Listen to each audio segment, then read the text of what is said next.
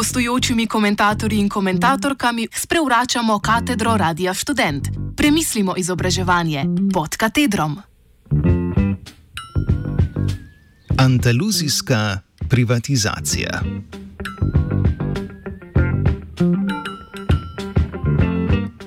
Današnji komentar je pripravil Juan Toledano Fresneda, član študentske sindikalne skupine iz Sevilje Movimiento de Acción Estudiantil. Organizacija je ena izmed enot koordinacijskega sindikata Študentje v gibanju, ki je vzpostavljen na državni ravni. Deluje v okviru zahtev po javnem, brezplačnem in kvalitetnem šolstvu. V tem kontekstu je tudi nastala sevilska enota, ko je leta 2010, po najhujših letih gospodarske krize v Španiji, organizirala študentsko stavko in zasedbo sedeža rektorata, ter s tem za dva tedna prekinila delovanje univerze v Sevilji. Sledi komentar o grožnjah, s katerimi se trenutno soočajo javne univerze v Andaluziji.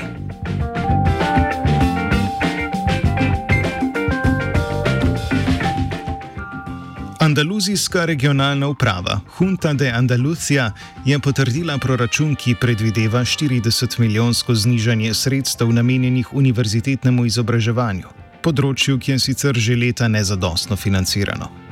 Hkrati z zmanjševanjem financiranja je regionalna uprava andaluzijskim univerzam odobrila uporabo tako imenovanih neizkoriščenih sredstev. Gre za visokošolskemu izobraževanju namenjena proračunska sredstva, ki so jih posamezne univerze prejele v preteklih letih, a jih niso porabile za svoje delovanje. Njihovo črpanje je bilo do sedaj, razen v izjemnih primerjih, onemogočeno.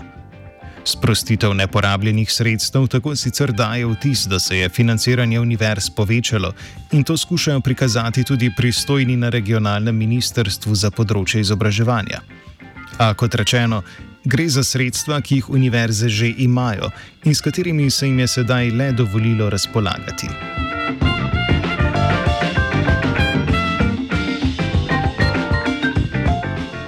Ena izmed najočitnejših težav pri tovrstnem načinu financiranja je, da imajo nekatere univerze precej več neizkoriščenih sredstev kot druge, odvisno pač od svojih prihodkov.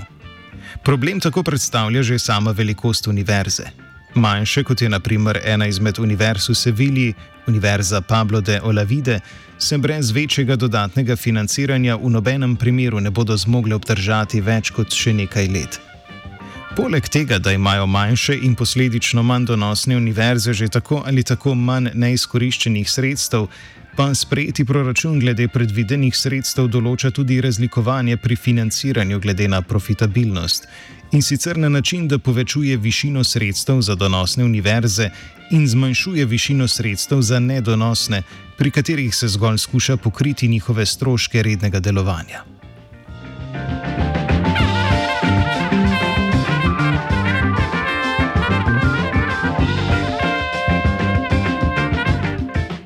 Ker se na ta način že tako zmanjšana sredstva preusmerja k večjim na mesto manjšim univerzam, to v opisanem modelu vzdrževanja z neporabljenimi sredstvi še dodatno povečuje razlike med univerzami. Nezmožnost delovanja manjših univerz bo vodila v proces centralizacije in zmanjšanje števila upisnih mest, kar pomeni, da se bo možnost univerzitetnega študija še bolj omejila na dijakinje in dijake, ki bodo dosegali le najboljše ocene, sicer pa se bo visokošolsko izobraževanje preusmerilo v zasebne institucije.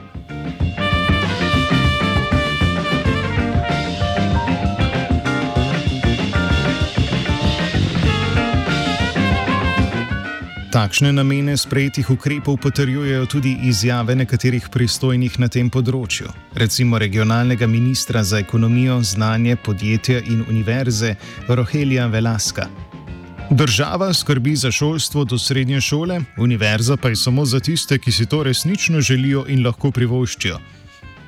Prav tako je naznanil možnost združevanja programov, saj naj bi bilo vlaganje v enake programe univerz, ki so si geografsko blizu, nepotreben strošek. Ministrstvo se tudi ni opredelilo v prid brezplačnosti javnih univerz, saj nasprotno meni, da visokošolska izobrazba v Španiji ne more biti javna storitev. Da pomikanje k privatizaciji univerz poteka že dlje časa, kažejo tudi izjave Marije Immaculade Ramos, pristojne na Generalnem direktoratu za univerze pri omenjenem ministrstvu, ki je maja lansko leto na enem izmed srečanj s študentskimi sveti razkrila načrt direktorata, da bo ukinil možnost 99-odstotne subvencije za kritje šolnin, saj naj bi šlo za neučinkovit strošek, do česar pa zaradi študentskih pritiskov ni prišlo.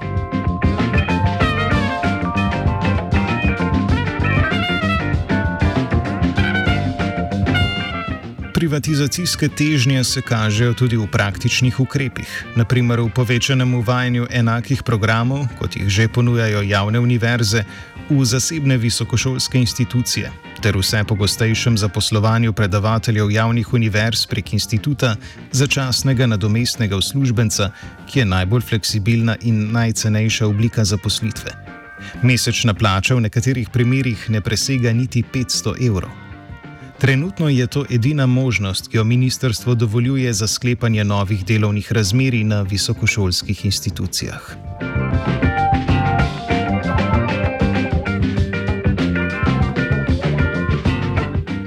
Nekatere univerze sprejeti finančni načrt podpirajo.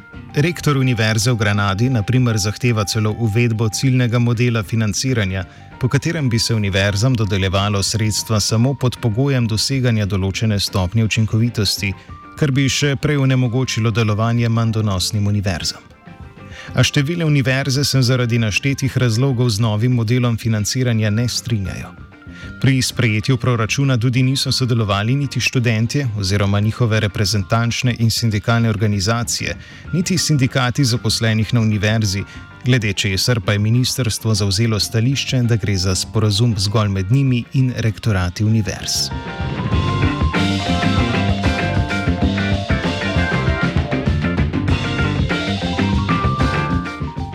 Predstavljen finančni model je dolgoročni načrt, ki se je z odobritvijo proračunskih rezov šele začel uresničevati.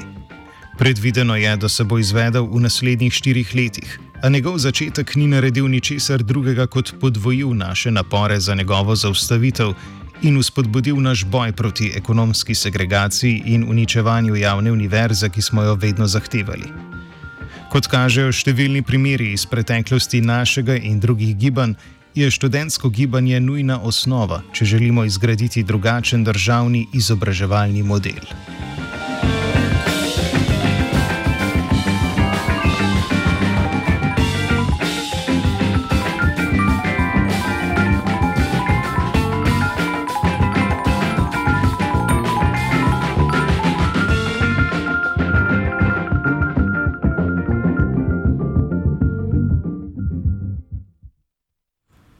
Komentar je prevedla Živa.